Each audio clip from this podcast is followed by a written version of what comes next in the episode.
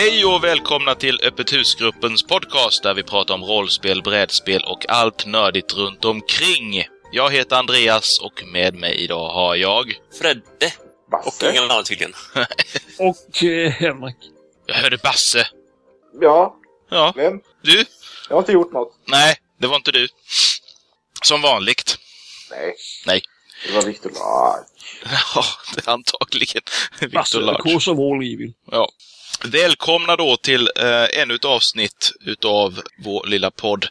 Vi har passerat 20 avsnitt utan några större buller och bång. Det är nästan lite dåligt. Det är inte ens vår tårta. Nej, inte ens fått åta. Ingen har fortfarande skick- skickat några pengar. Nej, avgå. Lyssnare. Men Basse, pengar är inte allt, trots att du är politiker. Va? Pengar är väl visst allt. Det är allt som det handlar om. Ja. Jag skickar inte heller några pengar fast jag ber det varje vecka. Du vet, av, an, ja, du vet anledningen, Basse. Ja, jo, jag vet. Ja, Men eh, precis. man kan ju få eh, drömma. Ja, Ja. ja, ja. Absolut. Det är fritt. Det är gratis till och med. Än så länge. Ja, än så länge. Ja, Du skatt på det. ja det kan ju finnas risk att det blir det.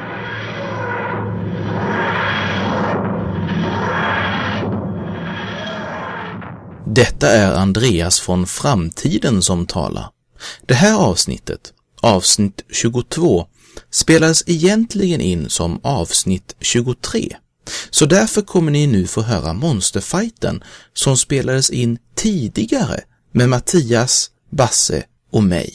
Så välkomna tillbaka i tiden. Ja, eh, vi går direkt in på eh, vårt numera vanligt återkommande eh, standardämne, nämligen Monsterfighten. Och vi har två stycken kvartsfinaler att driva av idag. Eh, förra gången så, eh, från kvartsfinal nummer ett, så gick Tonberry vidare. Eh, totalmassakrerade Mylingen. Och eh, Varulven gjorde småkuber utav Gelatinous Cube. Men idag i första kvartsfinalen, ding, ding, ding, ding, ding, så kommer Xenomorfen mot Tarasken. Det, det här är ju en fråga om, om eh, kvantitet mot kvalitet. Helt enkelt. Jag menar, Tarasken, det, nu är jag ju inte helt inställd på den där, men visst så är det som så att det finns bara en Tarask i varje alternate realm. Ja, förutom i kanske sen- någon alternate realm där det finns fler. Men Där det bara finns Tarasker och en människa. ja. Ja, det. ja, det finns en människa. Och i den rollen... Ja, nej. Nej, nej, men skit i det. Nej, för det, för det jag tänker på är liksom vad, vad händer ifall eh, Tarasken blir infekterad av ett ägg? Det är generellt jävligt dåligt. Eh, En Tarask stor xenomorf. ja. Fast nu är det ju inte Det vore skit. xenomorfen i sig, utan det är ju... Eh, eh, vad kallas den? Facehuggen där. Facehuggern. Ja. Så vi pratar ju egentligen om en färdigutvecklad eh, xenomorf i detta fallet. Ni svimmade. Basse. Ja. ja. Ja, jag, Tarasken är din. säga. jo, Tarasken är Du- min och jag, jag kommer givetvis stå Googla argument. Ja, precis. Nej, men jag kommer ju stå upp för Tarasken. Jag hävdar ju att i en, i en, eh, i en ren fight så är det lite fråga om räckvidd också och eh, bepansring. Jag tror inte Xenomorfen skulle ha någon större chans om de möttes på ett öppet fält eh, till exempel. Nej. Eh, ja, det, En mot en så är det väl kanske inte så mycket men eh, man räknar med att alltså, xenomorfen är ju inte bara en. Det finns ju en möjlighet att det är fler menar jag. Ja, fast så har vi inte, så har vi inte resonerat förut för då hade det kunnat vara ett, eh, ett gäng Jo, det så resonerade vi när nyligen vann. nej! Där, därför den slut någon annan. Kan det nu vara. Ja, men då kanske det finns någon form av teleportfunktion från andra realms. Så det dyker upp en sådär just det. 30-40 000 terasker. Ja. Eh, Och så har de dessutom eh, fått combat training och laserkanoner.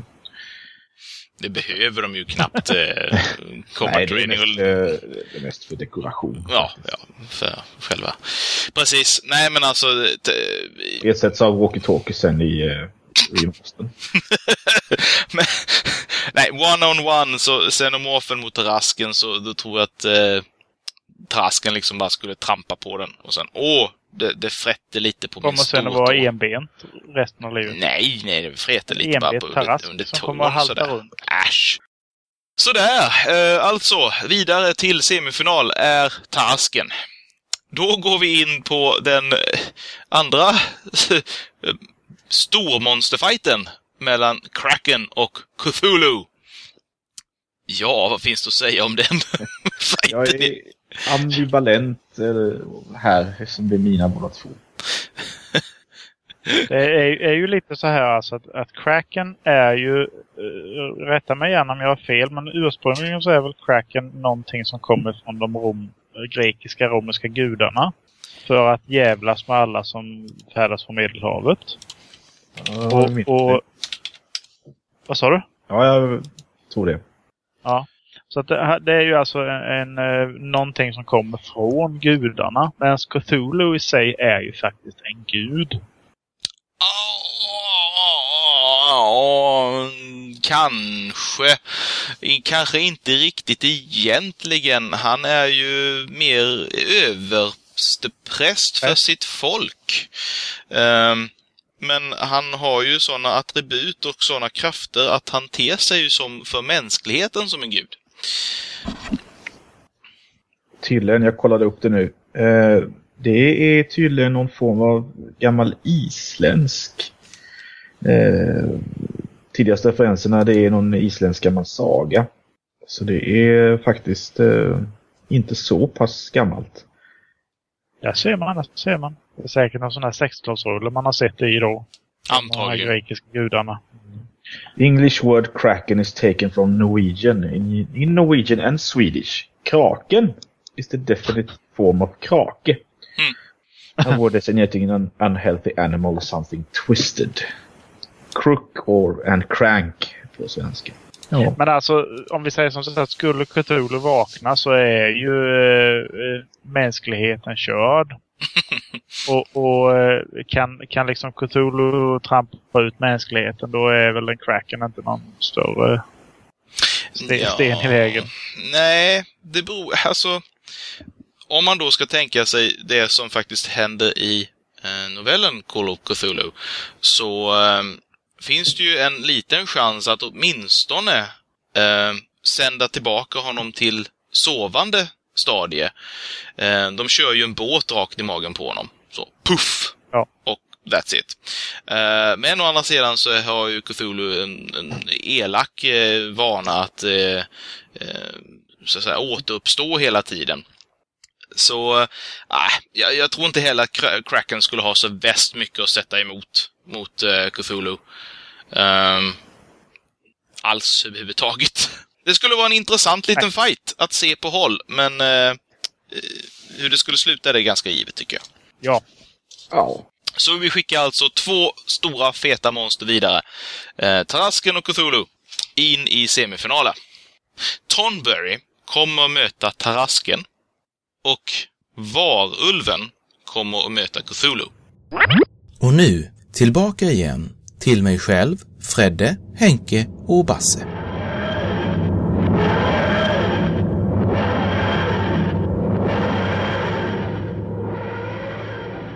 Dagens ämne, skräck. Eh, det här var väl din idé, Fredde? Så jag tycker att du får ta inledningen till det här. Jajamän, eh, Halloween börjar ju ändå närma sig nu igen i slutet på oktober. Och då kan det väl ändå vara läge att prata om en av våra, våra favoritgenrer faktiskt eh, bland eh, spel och media i allmänhet och det är just skräcken. Det är sådär horror. Så eh, Sen kan man ju diskutera vad är egentligen en riktigt bra skräckupplevelse och hur skapar man en sådan till exempelvis i ett just rollspel. Så det tyckte jag var ett bra ämne att djupdyka i. Det var förvånad vi inte gjort tidigare Det var dåliga på. Så, eh, men vi kan börja med att spåna kring varför vi folk, varför så många folk egentligen gillar så här skräck, skräckfilmer och spel och allting sånt. Men jag tycker att det borde vara liksom...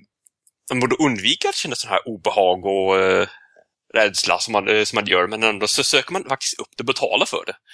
Så varför tror ni att, eh, det, att vi är så dumma? Mm, ja, nej, men det, det är biologiskt, helt klart. Eh, för, förr i världen eh, när vi inte hade vare sig soffa eller tv, eh, utan bodde under en trädgren i skogen, Eh, så eh, fick vi ju eh, de här kickarna av endorfiner och, överlevnadsinstinkt. Då fick vi de kickarna naturligt och de saknar vi ju helt enkelt. Ja. Jag kopplade tillbaka till ett tidigare avsnitt, avsnitt nummer nio, när vi pratade just om, då handlade det mest om att kan man gå för långt i till exempel rollspel med eh, att försöka skrämmas eller försöka eh, liksom gå lite över gränserna för alltså tillåtet. Och då refererade jag till en populär vetenskaplig artikel om att man hade upptäckt att eh, exempelvis möss lika gärna kunde välja eh, våld före andra belöningar som, som sex eller som mat eller trygghet på något sätt. Och att man kopplade då till att vi människor är ungefär likadana. Och jag tror att det är eh, Just skräck är ju eh, också en, ett uttryck. Det är samma sak som när romarna gick och tittade på gladiatorspel. Eh, man kan se det från ett tryggt håll för alla människor som eh, dör och slaktas framför en, men det drabbar ju inte mig. Det är ju skönt. Fast eh, sk- skräck är ju också mycket mer än våld. Det är också liksom det här rena, det, eh, det okända. Mm. Det här kanske ibland lite övernaturliga, eller det som man inte vet, alltså, vet eller kan förstå. Alltså, och ens egna inneboende rädslor. Ja. Så det kan vara mycket möta sådant. eh, Men ändå på något, vis, på något plan veta att det inte är riktigt. Man kan ju ta avstånd ifrån det. Så det, och därför kan man få eh, glädje av det. Därför är det, det brukar inte vara så lyckat när barn ser på skräck, för de har inte riktigt lika bra förmåga att skilja på det där med eh, fantasin och verkligheten. Så Ja, inte för dem blir det lite för verkligt istället. Då är det gråt och tandagnissel. Jo, det, så det, är, det är så olika också. Jag, till exempel min minsta dotter, hon är lite så här extra känslig för sånt där. Efter att hon hade stått bakom sin stora syster och tittat på när, när hon spelade Minecraft så eh, eh, kunde hon inte sova på nästan en hel natt för att hon var övertygad om, om att det fanns såna här spindlar runt omkring henne så fort det blev mörkt. För i, i Minecraft är det så att när det blir mörkt så kommer ju monstren fram. Det blir lite otäckt att gå och lägga sig då. Ja, det är ju också någonting som eh, vi människor har förknippat med just skräck och det är ju mörkret. Mm. Det är mycket där det, det okända, inte vet vad som lurar där ute. Och Precis. Det finns mycket som jagar på natten som kanske vill käka upp en. Ja, Cthulhu. Ja, till exempel. Ja. Tom Berries. Trask. Tom Berries. ja. Varulvar. ja. Jag å andra sidan eh, kollade på typ slasherfilmer som Fredagen 13 och sånt när jag var typ fem. Så det är väldigt, väldigt olika. Jag vet också att mina brors barn eh, har liksom arbetat sig igenom det mesta av de gamla klassiska skräckfilmerna. Så det, mm. Alltså det är så olika, alltså, precis som du säger. Alltså jag kanske aldrig heller var rädd för jag har så mycket, mycket skit om man säger när jag var liten. Men vissa saker etsade där, sig däremot fast då, som, som verkligen skrämde mig. Eh, men uh, jag tror jag sagt innan att det är den första riktiga uh, skräckupplevelsen det var uh, videon till Thriller. Ja, just I det. slutet när eh, Michael Jackson får de här varulvsögonen. Då så ah shit, nu var jag det. Jag hade liksom klarat hela resten, men just den, den delen, den, det funkade inte. ja, det, det, är väl, det kommer väl in på det här med eh, uncanny, som det heter. Mm. Eh, I många teorier. Så här, som är nä, ganska nära den normala verkligheten, men precis off. Och det kan trigga väldigt många människor till skräckupplevelser. Visst kan det bli. Det är därför man, många tycker att sådana här människoliknande robotar är så himla obeha obehagliga. Ja, men de är, alltså, Nästan mänskliga, men inte riktigt alltså, jag under min uppväxt tyckte dockor var jävligt obehagliga. Och jag tycker fortfarande dockor är obehagliga. Jag gillar inte dockor. Jag tycker det är... Eh, nej. Det är något mobil... Ja, jag vet inte vad det är med dem. Men jag, jag gillar det bara inte. Nu börjar eh, tre hjärnor att eh, spåna på ett elakt spratt lagom till halloween sen. Man vet aldrig. Basses hjärna har börjat fungera. Ja, Frans Hellqvist dockor var ju de läskigaste och han har ju lagt ner nu så de kanske går att köpa någonstans. Ja, men eh, alltså, så det är uppenbart att det i alla fall tycker om eh, skräck av olika anledningar. Inte alla, men eh, väldigt många. Men eh, det finns en skillnad på bra och dålig skräck, Mm. rent allmänt. Eh, Det ser vi mest i film också, men även i videospel och sånt. Alltså, så vad tycker ni är en riktigt bra, lyckad skräckupplevelse? Ja, det är eh, ja, ett spel, så exempelvis eh, när man sitter och spelar det kanske på datan. När de, eller som en film, när de verkligen får ihop eh, karaktärerna, eh, handlingen och ljudet tillsammans. Eh, och de, de tre sakerna verkligen eh, klaffar och går ihop. Eh, då är det riktigt bra. Riktigt bra immersion, som det heter. Ja, då, då, det finns många eh, filmer som eh, ljudet inte är som det ska vara på. och De blir inte alls lika läskiga. Medan andra är ljudet jättebra i, medan karaktärerna eh, som är är med och spelar är så fantastiskt eh, dåliga. Så då blir det inte bra bara för det. Ja, det finns ändå en eh, viss fördel i karaktärer som man hatar och det är där man tycker om att se dem dö. ja, Jo, jo, men då är det Det är ju ingen skräck längre. Då är det ju något annat. ja, ja, ja. Ja, Men det, det som jag kan känna ibland är att man... Eh, des, des, det blir, desto mer skräck man ser, eh, om man pratar om film då, eh, desto svårare blir det att hitta den där nästa bra skräckfilm att se. För att det är så väldigt mycket klichéer och eh, tropes som återupprepas. Så att snart, numera när jag tittar på en film och den är lite så här dussingjord, då kan man även säga, jaha, ja men jag vet precis. Där har vi en typisk redshirt. Den här personen kommer att dö vilken scen som helst. Ja, för hon duschar topless i Det-. Ja, precis. E- Eller det är den där eh, naive eh, läkaren som eller någonting i den stilen. Eller han är pengar han är bara intresserad av pengar, han kommer att dö. Och, alltså, när det liksom blir så här standardkaraktärer i filmerna, då, då är det rätt meningslöst. Mm. Fast det finns ju också en hel del skräckfilmer där det egentligen inte är så mycket död överlag, utan det bara är en eh, sån läskig eh, atmosfär rent allmänt. Hitchcock var väldigt duktig på det. Alltså det var... Alltså det var ju folk som dog i hans film också, men Jo. det behövde inte alltid vara det. Men eh, utan...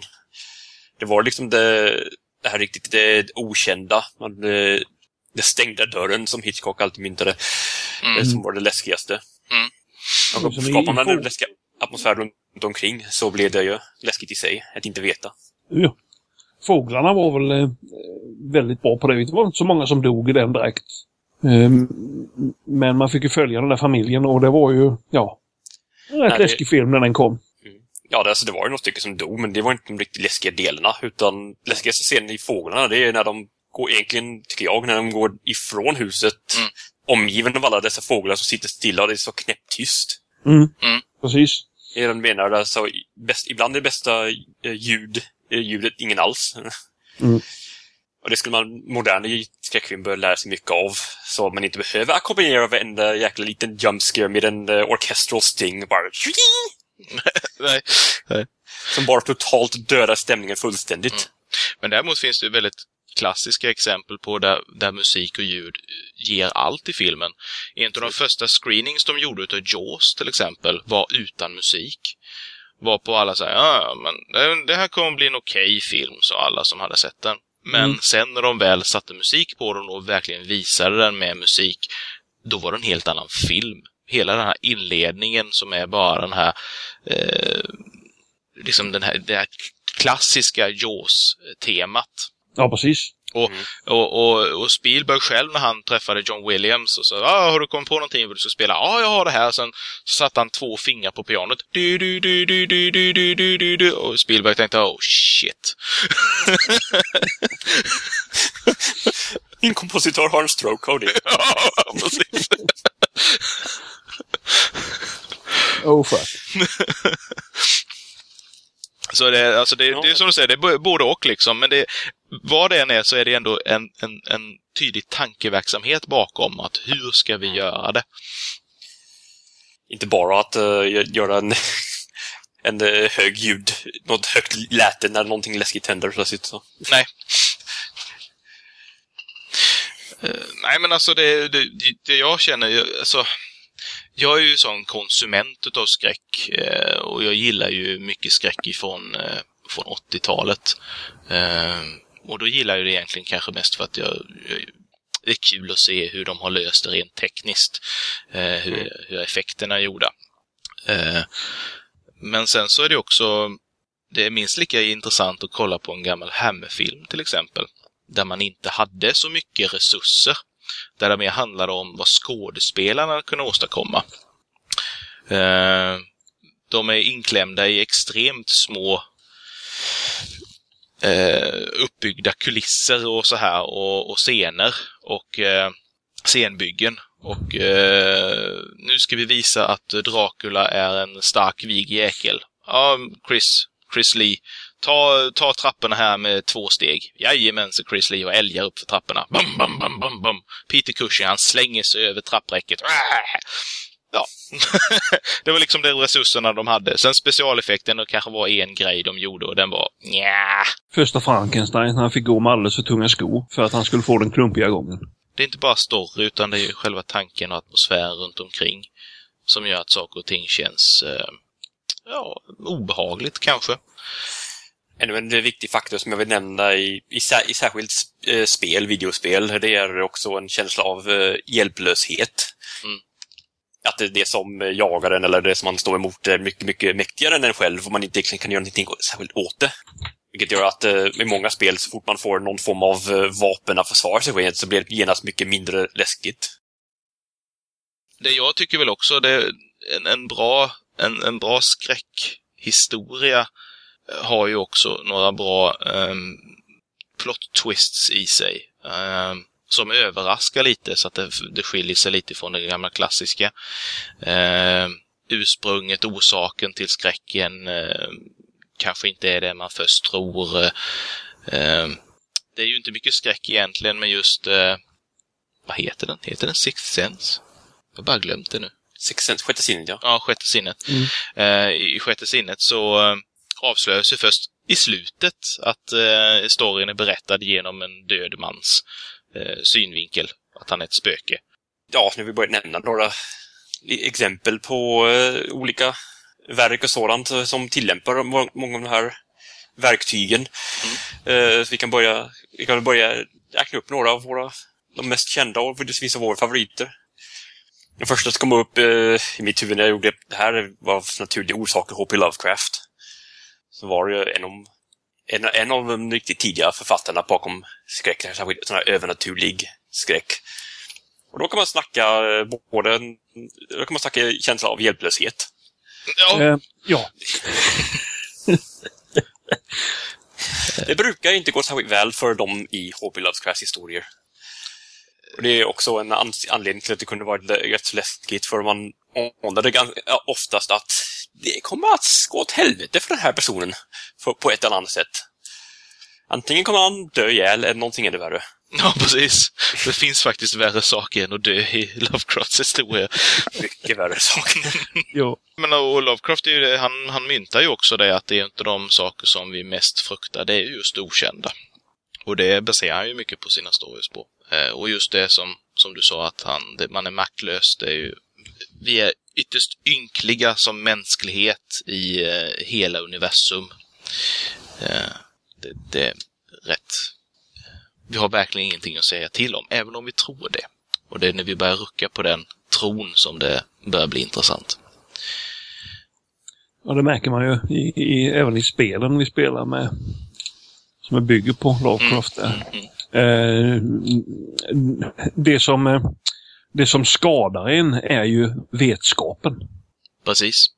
Det är också naturligt att, att, nämna Stephen King, men, men jag är verkligen inte den personen som ska prata om Stephen King, för att jag eh, har faktiskt inte läst någon av hans romaner. Jag har däremot läst hans noveller, därför att jag gillar Stephen King när han skriver noveller. Jag har försökt läsa eh, ett par romaner, men jag har inte lyckats ta mig igenom dem. Stephen King tycker om att skriva mycket. ja, Ja, men, men jag håller med dig lite där Andreas. Eh, Exempelvis den förskräckliga apan. Mm. Den eh, är ju faktiskt rätt så rolig att läsa igenom. Där händer det lite olika konstiga saker fast det är ju små, små berättelser. ja alltså Men, jag... eh, It exempelvis, det var mycket. Ja, Men ändå, eh, jag har ju läst några stycken av eh, Stephen King i alla fall som jag med, orkat med igenom. Han, han lyckas ju ändå förmedla en ganska så bra eh, skräckstämning. Den går tyvärr oftast helt förlorad när han försöker översätta det till någon form av filmatisering, men Ja, jo. ja, det är inte mycket man kan göra åt. Men just själva boken så, om man lyckas ta sig igenom så är de ändå Ja, rätt så. Ja, jag skulle säga, de skulle säkert vara ver verkligen värda besväret, men jag, jag, jag, jag gillar när han, när han tvingas att komprimera och verkligen tänka till och när han skriver sina noveller, för de är riktigt jäkla bra faktiskt. Så de är. När vi börjar prata om film så är, kommer John Carpenter upp. Eh, han är riktigt, riktigt duktig på eh, skräck, eh, just skräckfilmer. Det förmedlar förmedla stämningen, dels eh, effekter och sånt, men allting är ja, givetvis praktiskt för den tiden. Eh, det är både en eh, läskig stämning och ren äckelfaktor så kommer med där, i alla fall i The Thing. Mm. Som den har sett senast nu. Man har sett ganska mycket längre sen, men eh, som i In the Mouth of Madness har vi också Ja, och en koppling tillbaka till Lovecraft och, till viss del Stephen King. Eh, Mm. En hommage kan man ju säga till, och framförallt mot Lovecraft. Prince of Darkness är, eh, och den är också väldigt stämningsfull. Den är, där har man verkligen ingen kontroll och det händer väldigt skumma saker. Eh, och har en intressant och kul plot twist på slutet. En sån här, Mm. aha, aj fan, det här var inte bra. The Thing fick ju till och med vara med i vår Monsterfight. Ja, precis. Så det, det, hur skapar man eh, en läskig stämning? Men hon gör monster som kan se ut som vem som helst i casten. Mm, precis, ja, precis. Och du sparar in på lite... Vem eller vilka är det som är monster? Där man vet vad monstret är för någonting, det är ju i- däremot i Alien. Men där är ju monstret istället... Eh, eh, man vet inte var det är. Nej. Och det är också lite läskigt. Där kommer det här med hjälplösheten in, in Mm. igen. Både främmande och hjälplöshet här. Så. Mm. Och det här fruktansvärda monstret som ämnar äta upp dem. Mm. Eller något.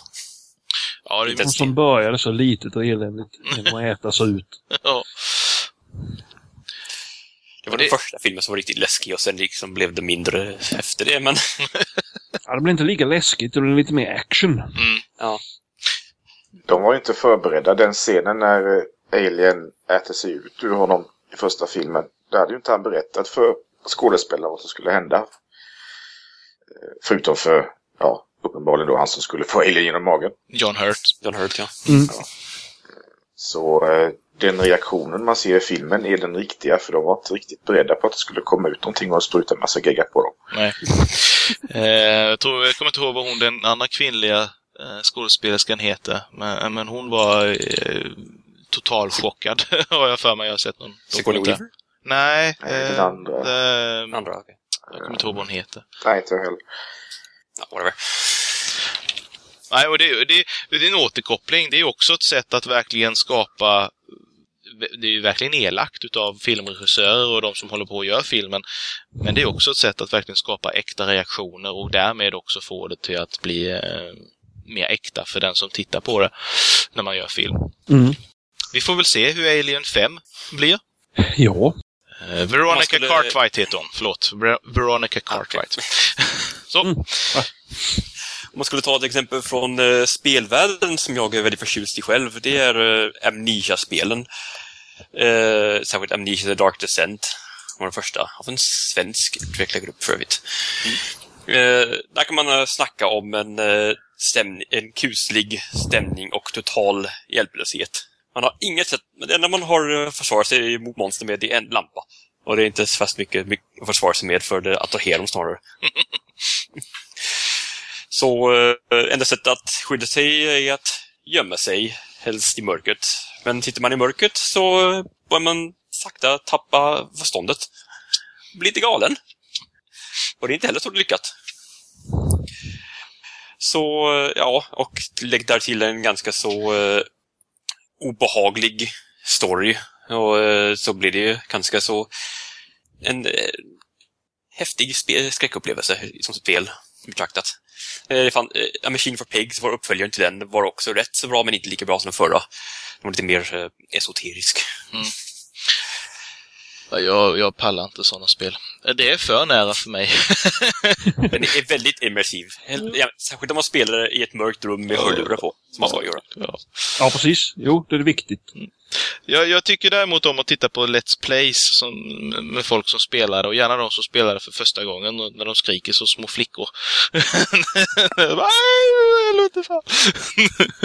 Vi är helt eniga här. Jag klarar inte heller av att spela sådana.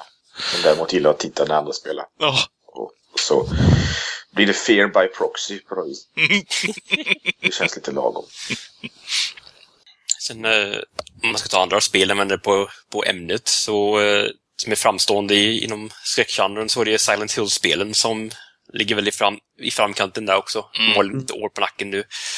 Eh, senaste spelet, jag fick en trailer, eller en teaser rent av, som hette PT, som eh, också blev så här viralspelad eftersom den var så eh, löjligt idiotläskig. Okej. Ehm, men tyvärr så bestämde sig Konami för att de hatar pengar och eh, har liksom lagt ner Silent Hill-serien över- helt och hållet nu. Så.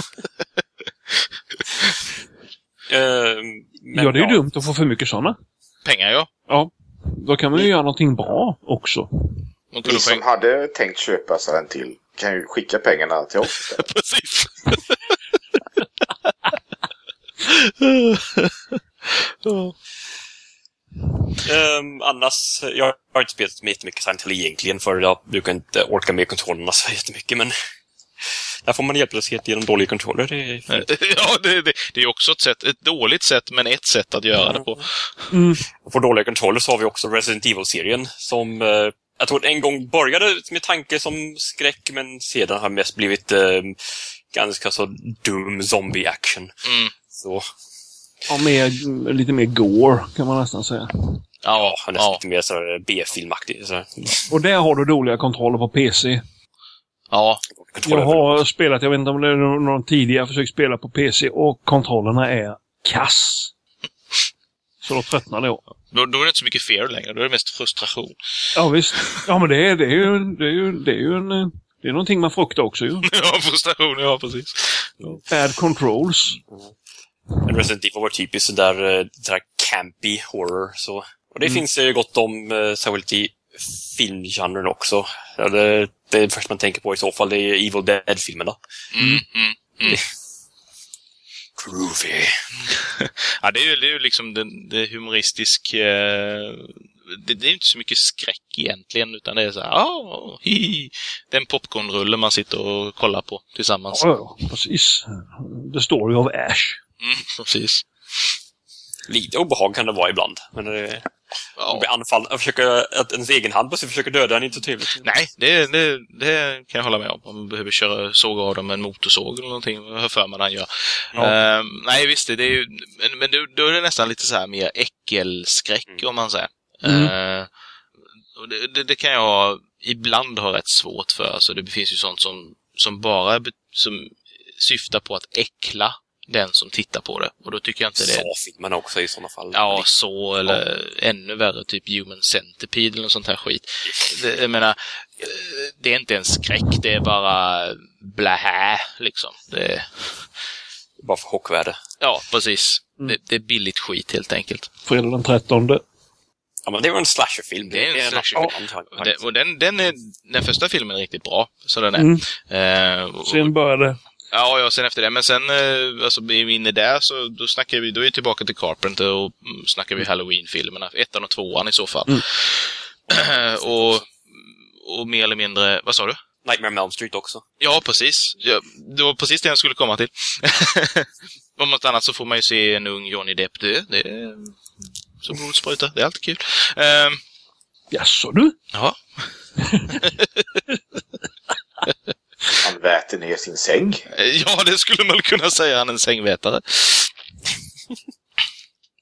alltså, 80-talet som jag sa, jag är uppfödd på, med skräckfilm på 80-talet och, och, och där finns ju en hel serie. Jag tänker inte ens liksom, jag ska inte ens gå igenom alla de här, men om man ska plocka upp någon från den tiden som är, som är bra och som har en bra stämning i sig, som jag gillade då när jag såg den. Jag kan fortfarande titta på den och tycka att den är, fan den här är rätt bra alltså. Det är ju i så fall en amerikansk varulv i eh, London.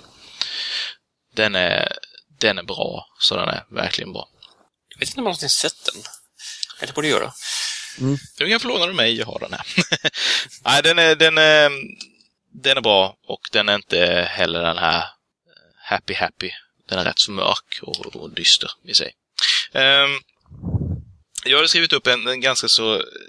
Jag har inte på senare år läst så väldigt mycket skräck. Jag hade en period där jag läste extremt mycket Dean R. Koontz. Uh, men uh, det slutade upp med efter att jag upptäckte att han, han skrev åtminstone sina första 20 böcker enligt ett, eh, ett formulär. Uh, Jo, har man läst en har man läst många. Ja, precis.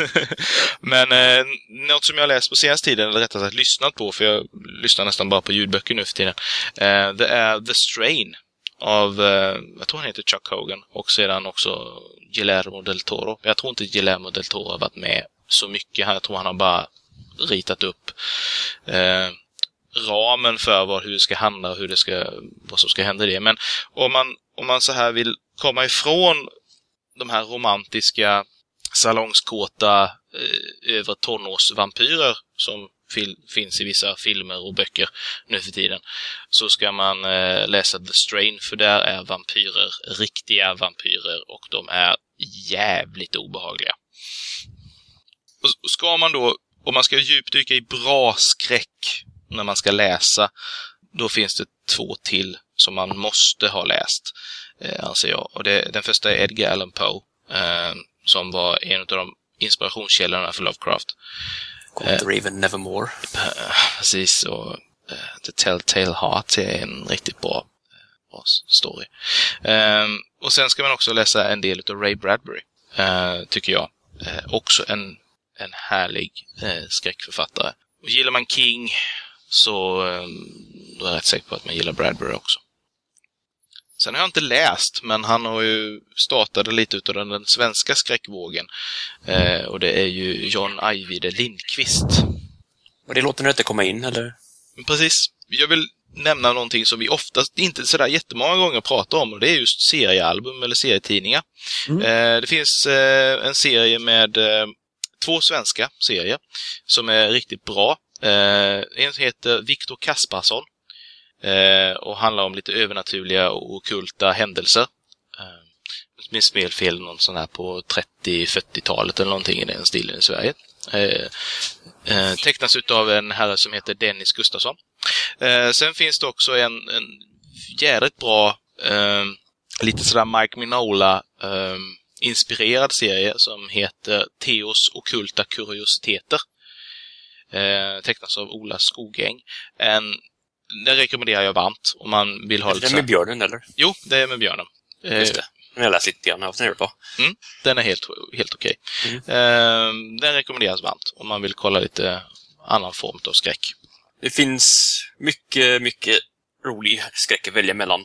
Men eh, vi som spelar rollspel, vi har ju hållit på med det också. Eh, så vad finns det för bra skräckrollspel egentligen? Vi kör ju Trails of Cthulhu just nu. Och vi även kör Call of Cthulhu. Och eh, de är rätt, rätt så bra för eh, skräcksyftet.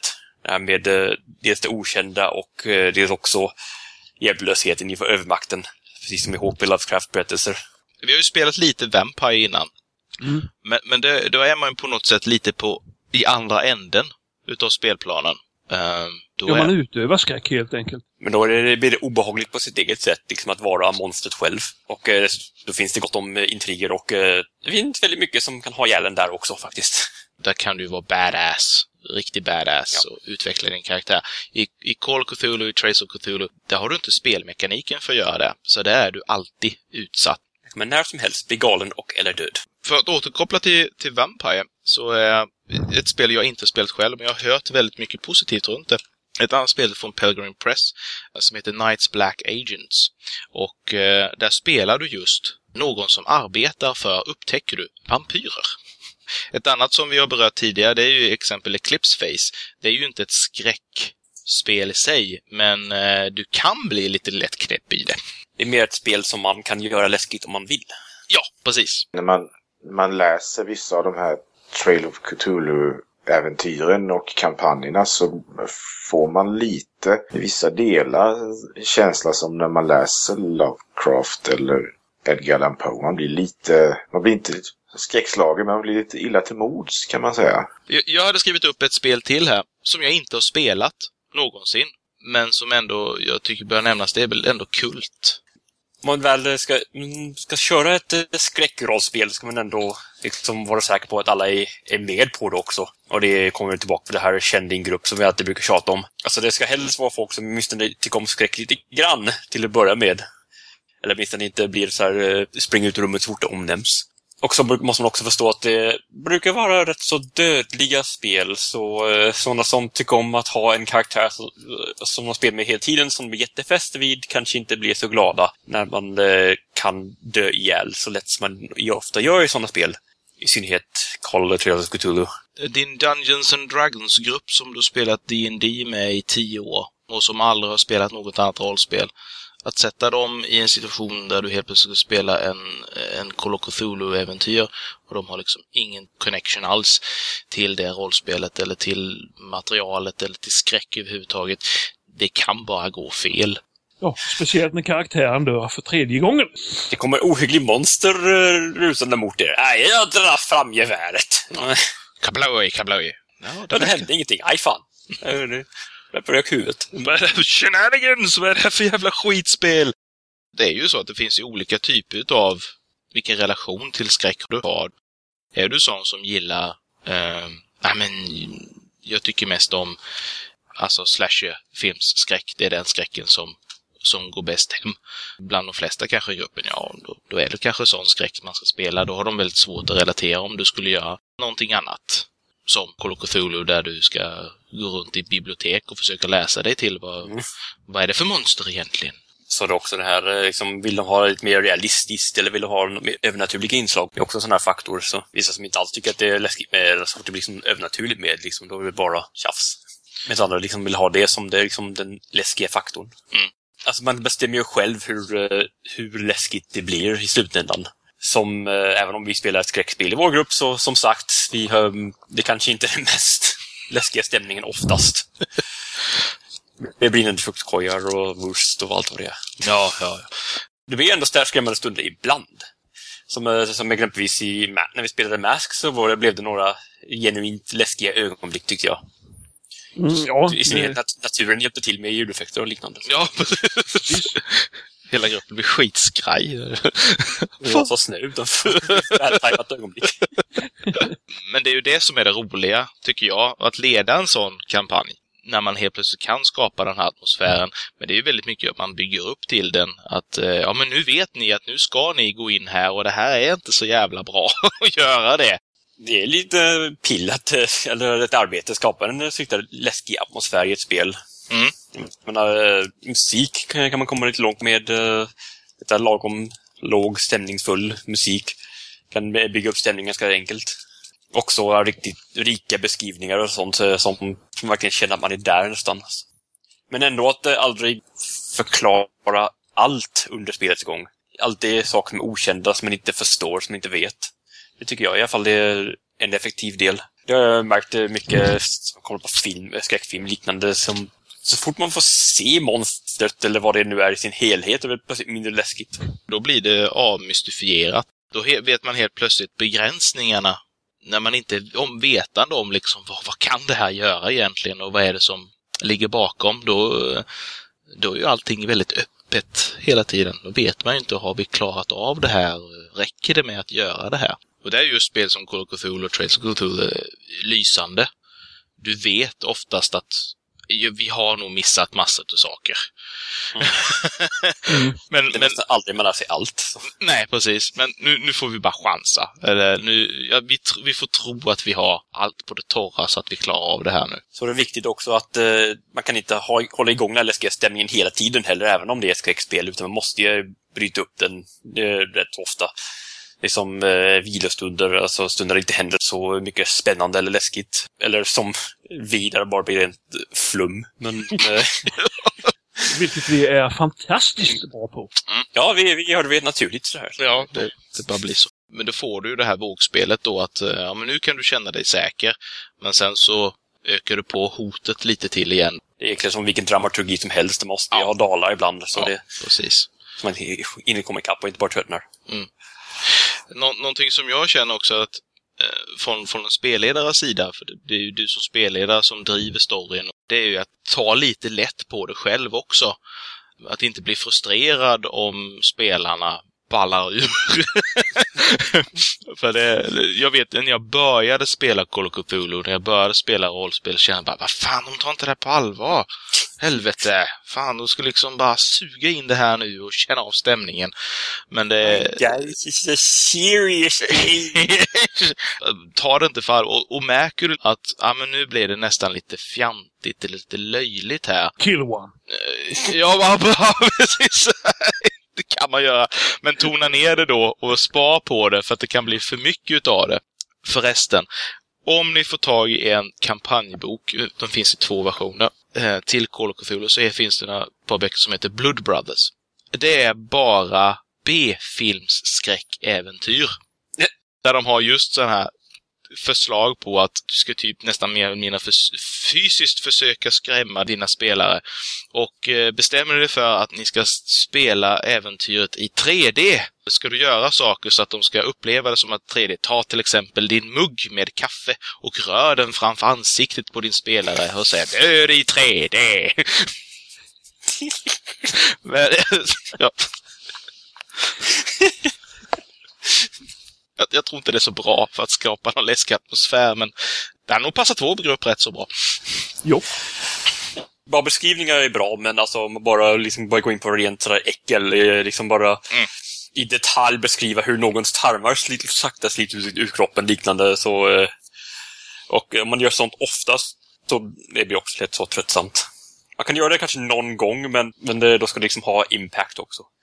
Jag tycker också att mycket utav skräck handlar om att hela tiden det ska finnas lite, lite, lite hopp om att man ska kunna lösa det och att man tar bort lite hopp hela tiden. Om du målar upp någonting som är totalt meningslöst, ja, då kan ju du lika gärna bara lägga dig ner och låta dina karaktärer dö. Ja, då ska det kännas helt hopplöst. Det är inte kul. Det ska kännas som att det finns hopp även om det inte gör det. Det såg ut som om Shogothen tog lite skada där. Ja, jo. Och jag står här med en träpinne. Ja. kan ju vara för att du har eh, bara fem kvar i Sanity, men eh, ja, ja, ja, ja. Jag tyckte den skrek lite eh, annorlunda där. Någonting som jag märker ibland när jag har spelat skrivna äventyr och när man sitter och funderar själv också, det är det att eh, ibland så tar man vanliga skräcktropes och mallar och applicerar dem på rollspelsäventyr. Men spelarna är ofta smartare än de människorna som går och dör i eh, skräckfilmerna. Oh look, I saw something moving in the forest eight miles away. I better go check. Gå in i mörka eh, ol- olycksbådade skogen, följa den upplysta stigen. Hmm. Vad lär vi oss ut av det? Jo, har han alltid backup plan för att ställa till det för dina spelare. Eh, ja, det, det, det kan man ha. Man måste ha någonting att, att styra dem med. Regel nummer ett i alla rollspel. Spelaren har alltid rätt och kan hata dig. Och börjar de hata dig, ha ihjäl dem. Ja, precis. När man sitter och spelar så här eh, och, och mysspelar, speciellt eh, skräck, så bara så, en sån grej som belysningen i rummet. Mm. Bara ha en belysning av levande ljus. Visst, det blir fantastiskt varmt i rummet. Det blir levande belysning, eh, alltså ljus. Men eh, när det blir lite fladdrande sken och man får verkligen titta på sitt papper väldigt noga vad man ska läsa. Mm. Det kan göra mycket. Ja, jag har gjort så en gång för jättelänge sedan. Men då spelade vi ända fram till slutet utav äventyret, då det liksom började dra ihop sig. Det var dags för att göra upp med själva monstret. Då släckte vi ner, tände levande ljus och körde igång musik. Ja, Då var man inne i själva avslutningen. Kan kanske bli lite för mycket om man ska köra hela vägen för då blir det slut bara irriterande. Jag vet inte vad jag har i Library Use, det ser ju för fan inte. Det var nog allt vi har att säga om, om, om skräck. Om filmer, om böcker, om genren i sig och vad man kan spela. Ja, vi kan säga mycket till. ja, det kan vi, men vi... Jo, får bara nämna han eh, sällskapsivar eh, förgöraren.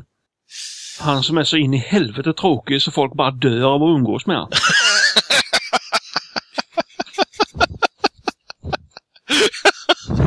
Okej. Det är skräck. Och med eh, den fruktansvärda inblicken så eh, kanske vi borde avbryta där. tror det. Eh, det låter jättebra. Eh, Vi förlorar all vår sanity här. ja, Basse har för övrigt förlorat hela sin sanity för han har varit tyst väldigt länge. Ja, jag är totalt borta nu. jag har inte haft så mycket att tillägga. Ni har ju typ tagit upp det jag tänkte säga så... Jaha, men du kan ju avbryta oss också. Eh, nej, det är ofint. Jag är inte ofin, jag är mycket fin. Eh, jo då. jo då. Men vet du vad Basse? Om Nej. du skulle rekommendera en skräckfilm att titta på under Halloween, vilken skulle du välja då? Eh, Sharknado. Måste ses om man inte har sett den. Inte för att den är speciellt dålig i alla fall. Det är inte, kanske inte så läskig, men det är en sån här film man bör se. Jo, det tycker jag nog man bör se den. Så, det är alltså med dessa ord av visdom ifrån eh, Basse. Gå nu genast och titta på Sharknado. Stäng av den här podden, titta på Sharknado, så hörs vi nästa gång. Ha det så bra. Hej med. Hej hej! Hej, hej. Hej då!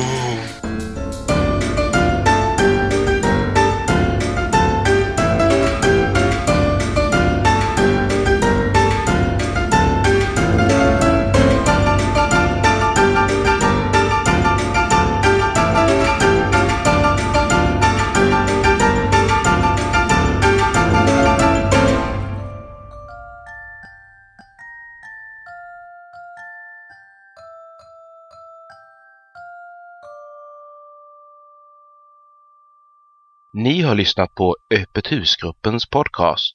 Besök oss på monsterworld.se för mer information och avsnittsnoteringar. Musiken ni har hört var The Canary av Kevin MacLeod. För mer av MacLeods musik besök incompetech.com. Den här podcasten är producerad under en Creative Commons erkännande, icke-kommersiell, inga bearbetningar 2.5 Sverige-licens.